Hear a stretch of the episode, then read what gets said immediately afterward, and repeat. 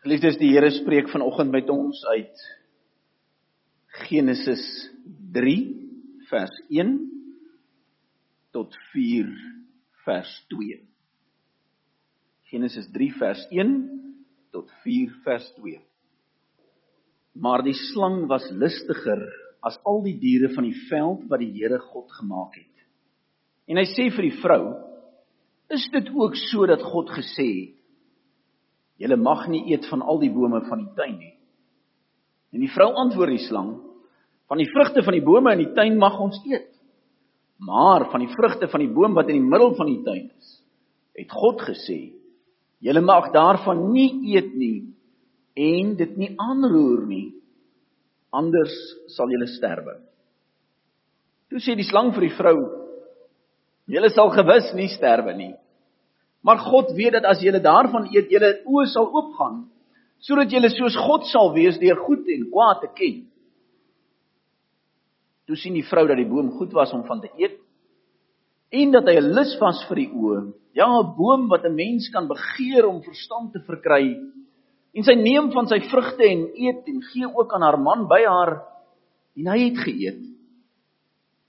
Toe gaan albei se oë oop en hulle word gewaar dat hulle naak is en hulle het vye blare aan mekaar gewerk en vir hulle skorte gemaak. En hulle het die stem van die Here God gehoor terwyl hy wandel in die tuin in die aandwyntjie. En die mens en sy vrou het hulle verberg vir die aangesig van die Here God tussen die bome van die tuin. Toe roep die Here God die, na die mens en sê vir hom: "Waar is jy?" En hy antwoord: "Ek het u geruis gehoor in die tuin en gevrees want ek is naak." Daarom het ek my verberg. En hy sê: "Wie het jou te kenne gegee dat jy naak is? Het jy geëet van die boom waarvan ek jou beveel het om nie te eet nie?" En die mens antwoord: "Die vrou wat u gegee het om by my te wees. Sy het my van die boom gegee en ek het geëet." Daarop sê die Here God aan die vrou: "Wat het jy nou gedoen?" En die vrou antwoord: "Die slang het my bedrieg en ek het geëet." Toe sê die Here God aan die slang: "Omdat jy dit gedoen het, is jy vervloek onder al die vee en al die diere van die veld. Op jou buik moet jy seil en stof moet jy eet al die dae van jou lewe." En ek sal vyandskap stel tussen jou en die vrou en tussen jou saad en haar saad. Hy sal jou die kop vermorsel en jy sal hom in die hakskeen byt. Aan die vrou het hy gesê: Ek sal grootliks vermeerder jou moeite en jou swangerskap. Met smart sal jy kinders baar en na jou man sal jou begeerte wees en hy sal oor jou heers. En aan die mens het hy gesê: Omdat jy geluister het na die stem van jou vrou en van die boom geëet het waarvan ek jou beveel het om nie te eet nie, Vervloek is die aarde om jou ontwil. Met moeite sal jy daarvan eet al die dae van jou lewe. Ook sal dit vir jou dorings en dussels voortbring en jy sal die plante van die veld eet. In die sweet van jou aangesig sal jy brood eet totdat jy terugkeer na die aarde want daaruit is jy geneem. Want stof is jy en tot stof sal jy terugkeer. En die mens het sy vrou Eva genoem omdat sy moeder geword het van alles wat lewe. En die Here God het die mens en sy vrou rokke van vel gemaak en hulle dit aangetrek. Toe sê die Here God: Nou het die mens geword soos een van ons deur goed en kwaad te ken. As hy nou maar nie sy hand uitsteek en ook van die boom van die lewe neem en eet en lewe in ewigheid nie. Toe stuur die Here God hom weg uit die tuin van Eden om die grond te bewerk waaruit hy geneem is. So het hy dan die mens weggedrywe en Gerubs aan die ooste kant van die tuin van Eden laat woon met die swaard wat vlam en flikker om die toegang tot die boom van die lewe te bewaak. En die mens het sy vrou Eva beken en sy het swanger geword en Kain gebaar en gesê ek het 'n man verkry met die hulp van die Here. Daarna het sy ook sy broer Abel gebaar en Abel het 'n skaapherder geword en Kain 'n landbouer. Dit is die woord van die Here. Kom, wat ons saam bid. Onse Vader wat in die hemel is. Here God, aan U alleen bring ons die eer en die lof en die aanbidding. Ons wil U naam heilig. Ons wil U verheerlik en vereer omdat U ons die voorreg gee om in U teenwoordigheid te kan kom staan. Ja, meer nog omdat U onder ons kom woon deur U Gees. En ons kom reinig deur U Seun sodat ons hier mag wees. Aan U wil ons die lof en die eer en die aanbidding bring en U heerlikheid verkondig aan die ganse wêreld. Want wat is die mens o Here dat U aan hom gedink het? Ja, selfs in sy gefalle toestand nog steeds die verlossing gestuur het om ons met U te versoen. En ons in te bring in U koninkryk. Nadat ons weggeloop het. Ja, dat U wat deur die tweede Adam ons weer onder U heerskappy inbring en ons in u vrede lei. Here gee dat u koninkryk in ons sal kom. Dat ons aan u koningskap sal onderwerp wees. Maar ook dat ons u koningskap sal proklameer en uitdra in 'n wêreld wat dit nie erken nie. Wat self God wil wees, self koning wil wees. Totdat u koninkryk in sy heerlikheid volmaak kom. Wanneer die koning kom om te oordeel oor die nasies. Daarom bid ons Here dat U ons elke dag sal sterk maak. En deur U Gees ons sal lei om U koningskap te kan uitleef en U te verheerlik. Daarom bid ons ook vir wat nodig is om dit te kan doen. Ja Here dat U ook die sonde waarin ons nog val daardie sondes wat ons in onwetendheid doen of uit verslaafdheid daaraan doen vir ons sal vergewe sodat ons verhouding met U reg sal bly. Maar ook die oorwinning oor daardie sondes wat ons verslaaf het. En maak die sondes wat aan ons onbekend is bekend sodat ons dit kan bely en laat staan. En gee ons deur die Heilige Gees die krag om dit te oorwin.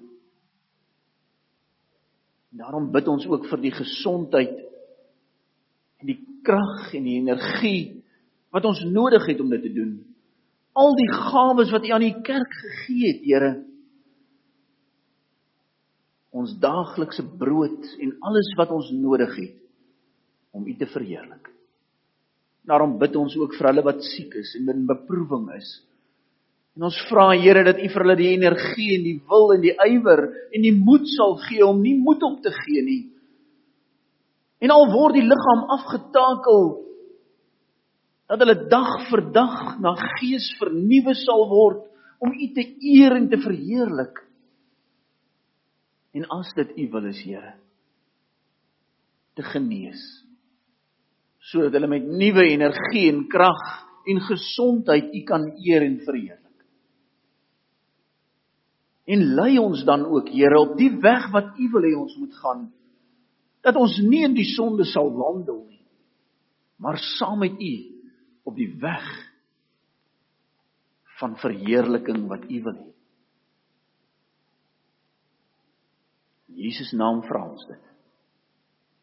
Amen. Liewe broers en susters, wanneer ons Genesis 3 lees, kan ons baie vinnig ons gedagtes kry by die aanslag van die duiwel of ons kan ons gedagtes kry by die mense foute wat hy gemaak het en die gevolge wat dit vir ons in hierdie lewe het. Maar daar is een baie belangrike ding wat ons nie moet mislees in Genesis 3 en 4 nie. En dit is vanoggend se tema. Sondaar maar begenadigde. Want Genesis 3 en 4 is eintlik alreeds evangelie. Evangelie wat vir ons kom sê, maak nie saak hoe vuil en hoe sleg ons is nie. God se genade is nog altyd daar.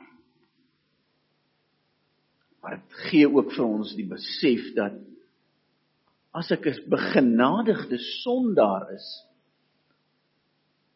daar 'n lewensverandering by my moet plaasvind, 'n gesindheidsverandering my moet plaasvind en ek nuut moet begin lewe met hoop en toewyding aan hy wat my begenadig het. En daarom kan ons Genesis 3 en 4 se eerste twee verse eintlik gaan opsom in vyf stellings om hierdie genade te kan raak sien. Vyf dinge wat die Here kom doen en wat 'n effek op ons lewens het en in ons lewens sal sigbaar word as God se genade werklik deel word van hierdie sondaar se lewe. In die eerste plek is dit God wat die mens roep. Adam en Eva eet van hierdie vrug en hulle kom in opstand teen God Hulle sê ons wil soos God wees deur self te besluit wat is goed en kwaad. En die gevolge daarvan is dat hulle naak gevind word. Nie almagtig soos God nie. Nie alwetend soos God nie. Magteloos voor die Allerhoogste. En ons sien dit in hulle reaksie op hulle bewuswording van hulle naaktheid. Want ons moet mooi besef dat in Genesis 2 word daar in die laaste vers gesê hulle was al twee naak, die mens en sy vrou, maar hulle het hulle nie geskaam nie.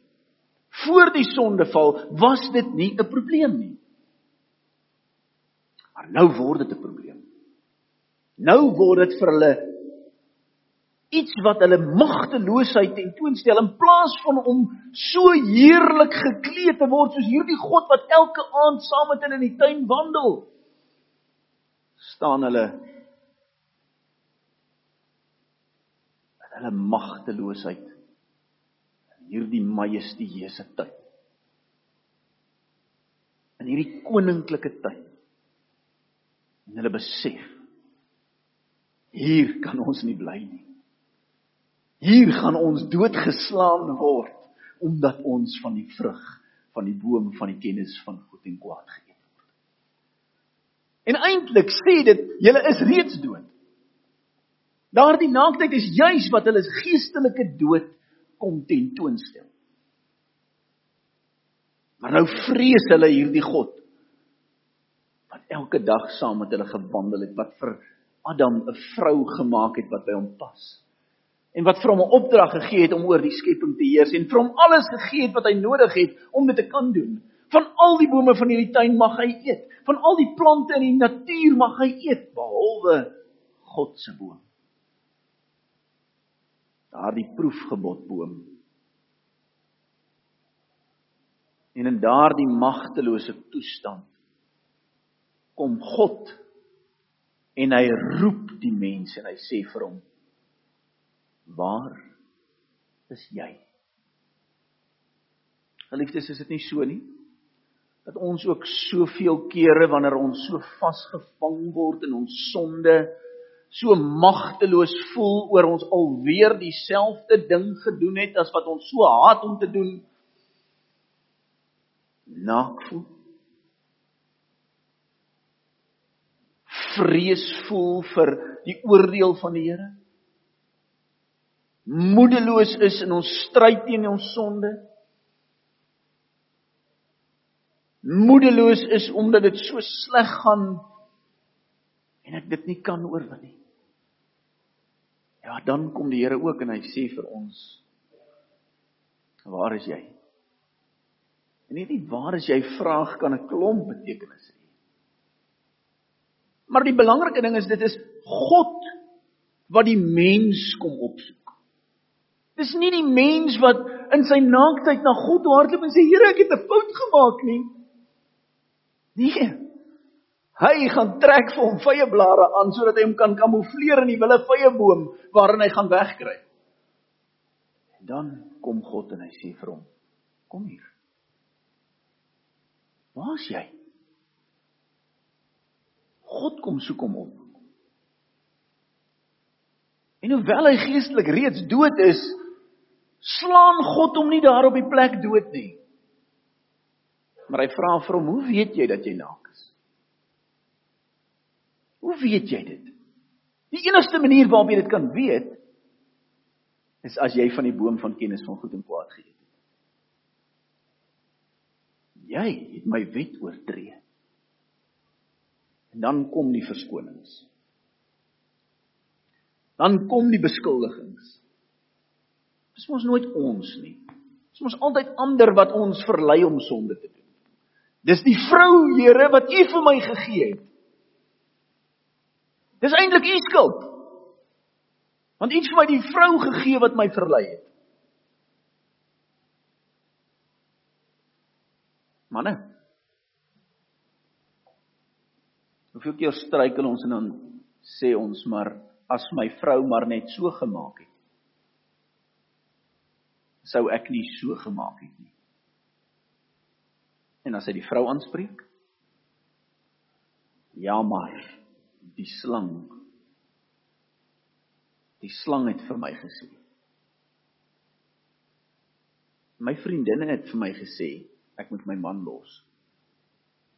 Want hy's eintlik maar soos alle mans 'n stuk gemors. Dis mos wat daar in die wêreld daar buite gesê word. My vriendinne het vir my gesê Ag, kom ons gaan op 'n vroue naweek. Ons gaan so 'n bietjie ons eie ding doen. Dan kom ek terug met 'n klomp skuldgevoelens oor dit wat op daai vroue naweek gebeur het. En ek voel naak en ek voel vuil. Maar dis hulle skuld, dis nie my skuld nie. Hulle het my verlei. Hulle het vir my gesê kom saam. Die manne by die braaivleisvure, by rugbywedstryde, Is dit hulle skuld dat jy te veel gedrink het gisteraand? Maar wat sê die Here? Elkeen dra die gevolge van sy eie sonde. En tog is daar in hierdie opsoek van die Here so groot stuk genade. En wanneer die Here vir ons kom sê, "Nou maar wat het jy gedoen? Hoekom voel jy so naak?" Is dit genade broers en susters? Wanneer die wet op 'n Sondagoggend in hierdie kerk gelees word, is dit genade. Dominee Rian het dit baie mooi gesê toe hy gesê het iemand wat nie sy broer vermaan nie, 'n kerk wat nie tug toepas nie, is liefdeloos. Dis liefde van die Here wat hy kom na Adam en Eva toe en hy sê vir hulle, "Wat het julle nou gedoen?" Hy vra dit nie vir die slang nie.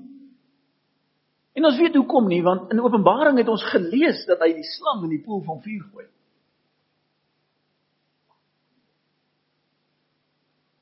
Maar nou sê hy ook dat hy die wat volhard in die sonde, die wat buite is, die egbreekers en die horeerders en die lasteraars en die twyfelaars saam met hom in die poel van vuur sal gooi.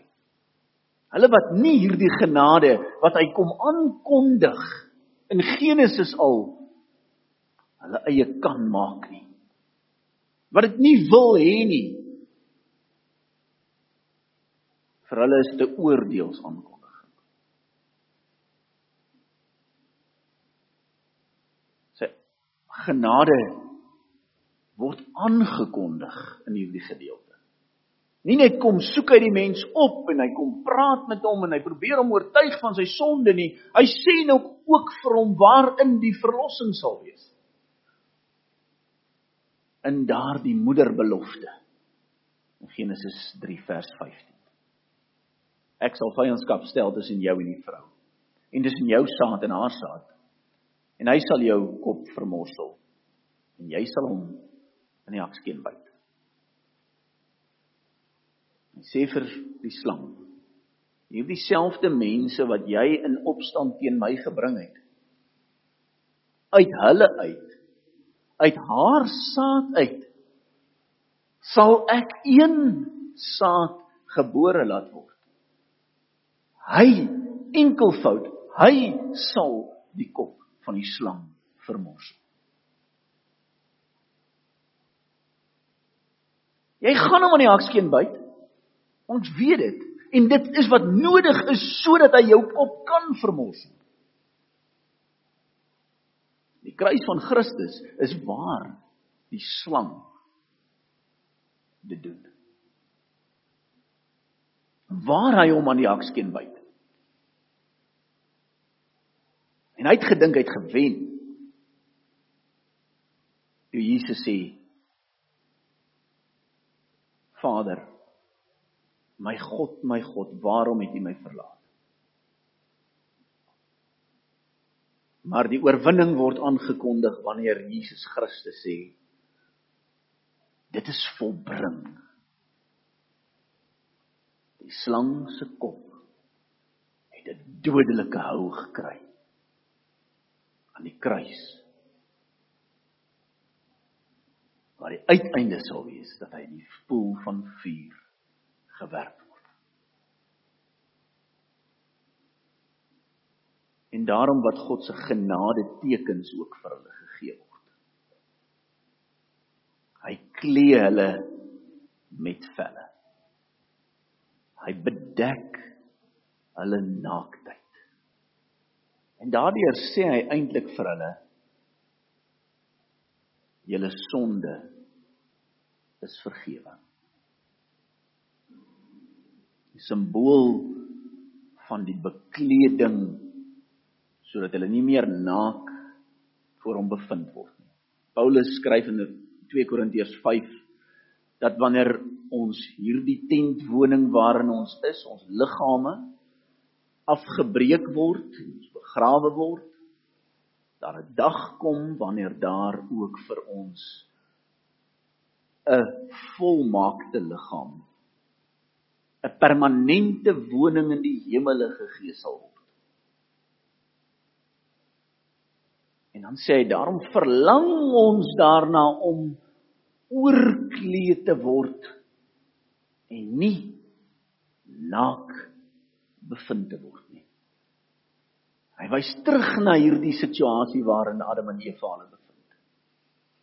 Hierdie magteloosheid van 'n God wat kom om te oordeel Want hy wat voor die regterstoel gaan van staan in sy eie krag sal voor God naak bevind word. En daarom wat ons moet oorklee word. En wat Paulus ook dit vir ons sê, beklee julle dan met die Here Jesus Christus. Want alleen wanneer hy my naaktheid voor die oordeel kom afskerm. Alleen wanneer hy as middelaar tussen my en die regter kom staan, kan ek die volmaakte liggaam ontvang en in ewigheid saam met hom leef. Beklee julle dan wat naak en magteloos voel met Christus en julle sal lewe. Glo in hom. Want dit is sy bloed wat die skuldbrief van ons sondes bedek, sê hy vir ons in Galasiërs. Hoor u hierdie beelde wat hy gebruik, wys terug na hierdie situasie waarin die mens in sy magteloosheid voor God staan? Die Here kom klee hulle met velle van diere. En van die kommentare is daaroor baie ernstig dat hulle sê dat dit die eerste bloedoffer was. Dat dit die eerste simboliese sterfte is ter wille van ons redding. Want dit is mos wat die offers is. Dis mos 'n herinnering daaraan dat iets moet sterf om ons te red. Nie iets nie, maar iemand. Iemand wat regverdig is en die oordeel van God kan dra. So word daardie eerste diere se bedekking waarmee hulle bedek word vir hulle ook 'n teken van God se genade. En dan God se genadehandeling wat vir ons amper onbegryplik is. Die vloek oor die aarde. Die uitstuur uit die tuin van Eden is nie straf nie, maar genade. Want as hulle in daardie tuin gebly het, sê hy, sal hulle van die vrug van die ander boom wat in die tuin staan eet. Die boom van die lewe. Wat beteken dat hulle solank as wat hulle van daardie boom eet, nie sal sterf nie. En in daardie naakte toestand waarin hulle was, en die gevolge daarvan dat vrouens met moeite kinders baar en dat mans in die sweet van hulle aangesig nou hulle brood moet verdien. Die pyn en die hartseer en die kanker die swak harte en die haat wat hierdie wêreld nou beleef tot in alle ewigheid. En nie kan doodgaan nie, nie kan gaan rus van hierdie moeitevolle arbeid soos wat Openbaring vir ons sê nie.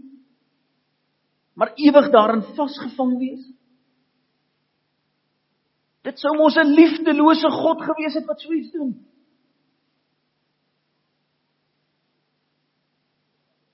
Maar ons God is die liefde God. Die God wat ons so liefhet dat hy sy seun stuur om in ons plek te ly. In Romeine 8 sê hy dan ook vir ons dat ons erfgename van God word en mede-erfgename van die Here Jesus Christus as ons saam met hom ly sodat ons ook saam met hom verheerlik kan word. Ook in 2 Korintiërs 4 word dit baie duidelik dat die lyding wat ons op hierdie aarde beleef 'n doel het. Hierdie dorings en dussels waarmee ons moet worstel in ons boerdery. Die moeitevolle arbeid waarmee ons kinders moet grootkry. Want kinders baar beteken nie net die kraampyne wat daarmee saamgaan maar al die moeite wat dit is om 'n kind te dra totdat hy volwasse is. Al daardie dinge. En God se raadsplan tog gedoen. En as jy Romeine 8 mooi gaan lees, dan sê die Here daar ons ontvang die erfenis as ons saam met Christus ly. Nou nie een van ons kan ly soos Christus vir ons eie sondes nie. Nie een van ons kan iets doen om gered te word. Met ander woorde, Paulus sal nie in die een deel van Romeine sê jy kan niks doen om gered te word en die volgende oomblik sê hy jy moet ly om gered te word nie. Hier's iets anders. En dis eenvoudig die pyn wat jy beleef. Pyn wat ek beleef. Die hartseer wat ons beleef, die verwerping wat ons beleef. Kan dit jou red? Nooit. Want geen prys wat 'n mens kan betaal kan genoeg wees vir dit wat ons aan die Here gedoen het. Maar dit laat my besef hoeveel Christus vir my moes ly. Dit laat my besef wat moes hy deurgaan in daardie 3 ure duisternis aan daardie kruis. Toe die helse magte op hom losgelaat is en die Vader hom alleen gelos het om dit te hanteer.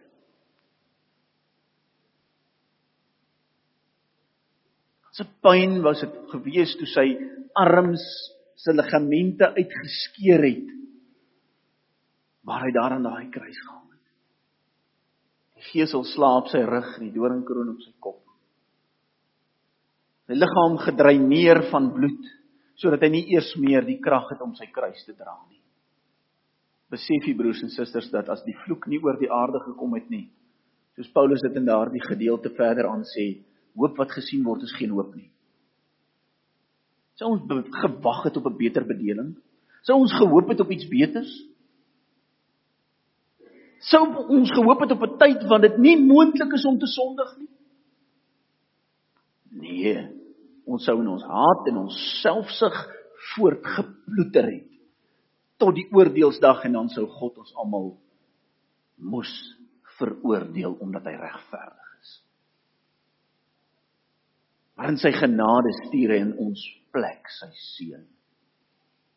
Hy veroordeel hom vir dit wat ons verdien.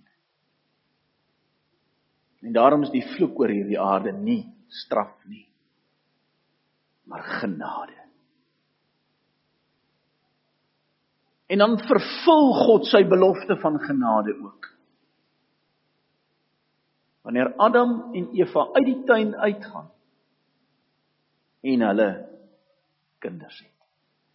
Haar saad wat die slang se kop moet vermorsel sal gebore word. Sy raak nie skielik kinderloos nie. Maar omdat God in sy raadsplan Jesus Christus 4000 jaar later moet laat gebore word. Laat hy Kain en Abel en Set en hulle boeties en sissies gebore word. Genade op genade op genade. En so word Adam en Eva sondaars wat verdien om veroordeel te word, maar begenadig is. En net so broers en susters, verdien ons elke dag wanneer ons die Here se wet oortree om veroordeel te word. En hy kom in sy genade en hy gee sy seun in ons plek. Daarom kan ons sê dat op Genesis 3 ook vir ons sê beleef God se genade. Hoor wanneer hy vir jou sê waar is jy? Beleef dit dat hy nie in sy toorn na jou toe kom nie, maar in sy liefde en genade wanneer die wet gelees word, wanneer jy aangespreek word oor jou volharding in sonde, wanneer die ouderlinge raad jou onder sensuur sit, beleef God se genade. Nie die gemeente wat jou verwerp of veroordeel nie. God se genade waarin hy vir jou kom vra, waar is jy? Waarmee is jy besig? Ek wil nie hê jy moet veroordeel word vir wat jy nou doen nie. Tweedens bely God se genade. Erken dat jy naak is. Erken dat jy nie in staat is om jouself te red. Erken dat jy 'n verlosser nodig het want jy staan as veroordeelde voor God. Maar een gaan jou oordeel kan vat en dit is Jesus Christus. Maar as jy dit nie erken nie, die woord is baie duidelik daaroor. Hy wat sy sondes bely, God is barmhartig en genadig om hom daardie sondes te vergewe en om van alle ongeregtigheid te reinig. Maar hy wat die sonde verlaat, is reeds veroordeel. Johannes 3 vers 18 en vers 36 is baie duidelik daaroor. Hoewel vers 16 sê, so lief het God die wêreld gehad dat hy sy enige gebore seun gegee het sodat elkeen wat in hom glo nie verlore sal gaan nie, maar ewige lewe sal hê.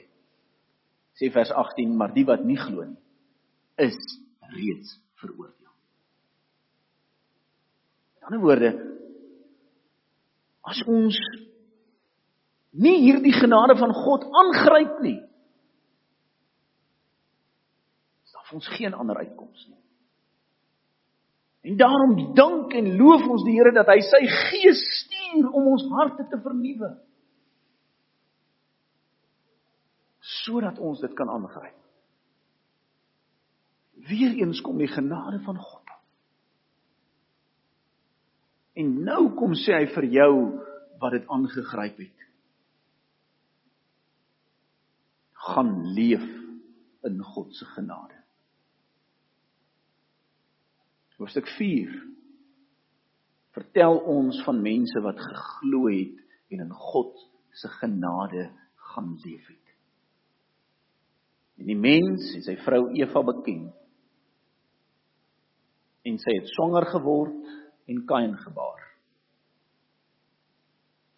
En gesê ek het 'n man verkry met die hulp van die Here. Daarna het sy ook sy broer Abel gebaar en Abel het 'n skaapherder geword en Kain 'n landbouer.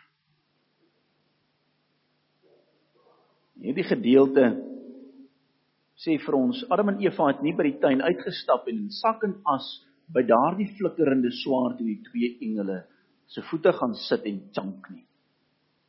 Die Here het gesê van nou af gaan jy die grond moet bewerk om te kan leef, kan eet, te kan werk. Here het ons gemaak om te werk, maar nou word dit moeitevolle arbeid. En in Kain en Abel se beroepe sien ons dat hier 'n geloofsdaad plaasvind. Dat hulle begin om te heers oor God se skepping deur veeboer te word. Begin om die grond te bewerk waaruit hulle geneem is soos wat die Here gesê het hulle moet doen. En in geloof hierdie saak aan te pak. Adam en Eva self net deur die daad van gehoorsaamheid om te vermeerder en die aarde te vul en daaroor te heers. Deur kinders te hê. Leef hulle 'n geloofsdaad uit. En nou wil ek dit vir die oumas en oupas vra. Onderlaas het u vir u kleinkinders gesê dis te gevaarlik om in hierdie land kinders te hê. Julle moenie so baie kinders hê nie, maar hoe gaan julle vir hulle sorg? Hier stap Adam en Eva uit. Al wat hulle het is velle wat die Here vir hulle aangetrek het. Hulle het nie 'n ploeg nie. Hulle het nie 'n os nie. Hulle het nie 'n huis nie. En hulle gaan. En as ons Genesis 5 gaan lees, dan staan daar en God het en Adam het seuns en dogters gehad. Nie net Kain, Abel en Set nie. Daardie vraag van waar kom Kain se vrou vandaan? Hy het met sy sussie getrou. Dis so eenvoudig soos dit. Hoor u die geloof en die genade van die Here. Daarom, as die Here dit beskik dat jy in hierdie gebroke wêreld waarin ons baie keer ook mense het wat kinderloos is of swaar kry om kinders te hê, kan kinders hê. Is dit 'n geloofsdaad om te sê soveel as wat die Here vir my beskik, sal ek groot maak. Dis wat dit is. Daarom sê hy ook in Jesaja en ekskuus in Jeremia vir ons wanneer hulle in ballingskap sit kry kinders, bou huise. Gee julle kinders uit in huwelike want in die vrede van hierdie stad, soek die vrede van die stad waarin jy leef, want in die vrede van hierdie stad sal daar vir jou vrede wees. Sê die Here, moenie moed opgee nie. Moenie in sak en as gaan sit in die omstandighede waarin jy is nie. Gaan dien die Here met ywer. Gaan rig jou boerdery of jou besigheid so goed in as wat jy kan om hom te dien. Gaan en gaan heers oor die aarde soos wat God vir ons 'n opdrag gegee het om te doen. Dis die kerk van die Here Jesus Christus se opdrag van die begin af om te heers oor God se aarde. Wat doen ons? Ons gee dit vir die heidene om te doen. Ons sit moedeloos by die huis en sê maar ons kan niks aan hierdie situasie doen nie. Al is dit net die 100 vierkante meter woonstelletjie wat jy in bly. Heers daaroor soos God vir jou sê om te doen. Leef daarin tot verheerliking van God. Want God se genade is nie net vir Adam en Eva gewees nie. Elkeen van ons wat vandag hier sit, hierdie jong mense wat van voorneme is om hulle geloof in Christus te bely. Kom vandag en hierdie naweek hierdie kamp bygewoon om juis om te kom en te kom sê ons weet ons is sondaars. As hulle voor die kansel kom staan is dit presies wat hulle kom sê. Ons weet ons is sondaars. Maar ons is begenadigdes. En daarom is ons van voorneme om van nou af met alles wat ons het die Here te gaan dien. Is dit u voorneme broer en suster? Of sit u moedeloos by die poorte van Eden? Amen. Kom laat ons saam bid. Onse Vader wat in die hemel is, Here, ons loof en prys U vir U genade en U liefde.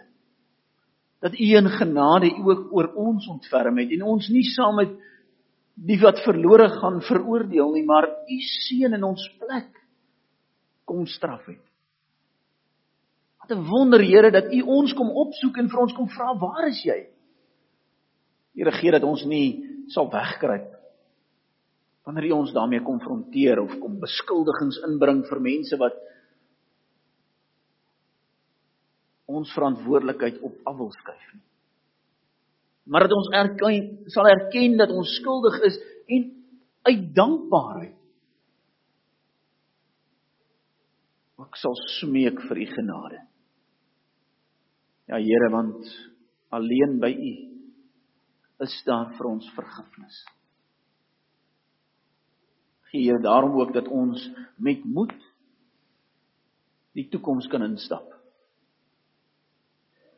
dat ons nie vreesbevange sal gaan sit en kerm en kla oor ons lot nie. Maar u genade sal raak sien in dit wat met ons gebeur. Sodat ons nader aan u sal beweeg. En sal vra Here, hoe wil u hê dat ons hierdie wilde wêreld ingaan? en U gaan dien. Daarom bid ons vir hierdie gemeente, Here. Dat U met elkeen sal wees om ook in hierdie genade te kan volhard. Om te lewe vir U totdat U kom en ons in volmaaktheid kom herstel. Ja Here, want aan U wil ons die lof en die eer en die aanbidding bring omdat U in Jesus Christus dit vir ons moontlik gemaak het.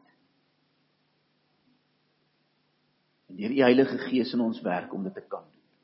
Lei ons daarom deur u woord en u gees op u heilige weg. Amen.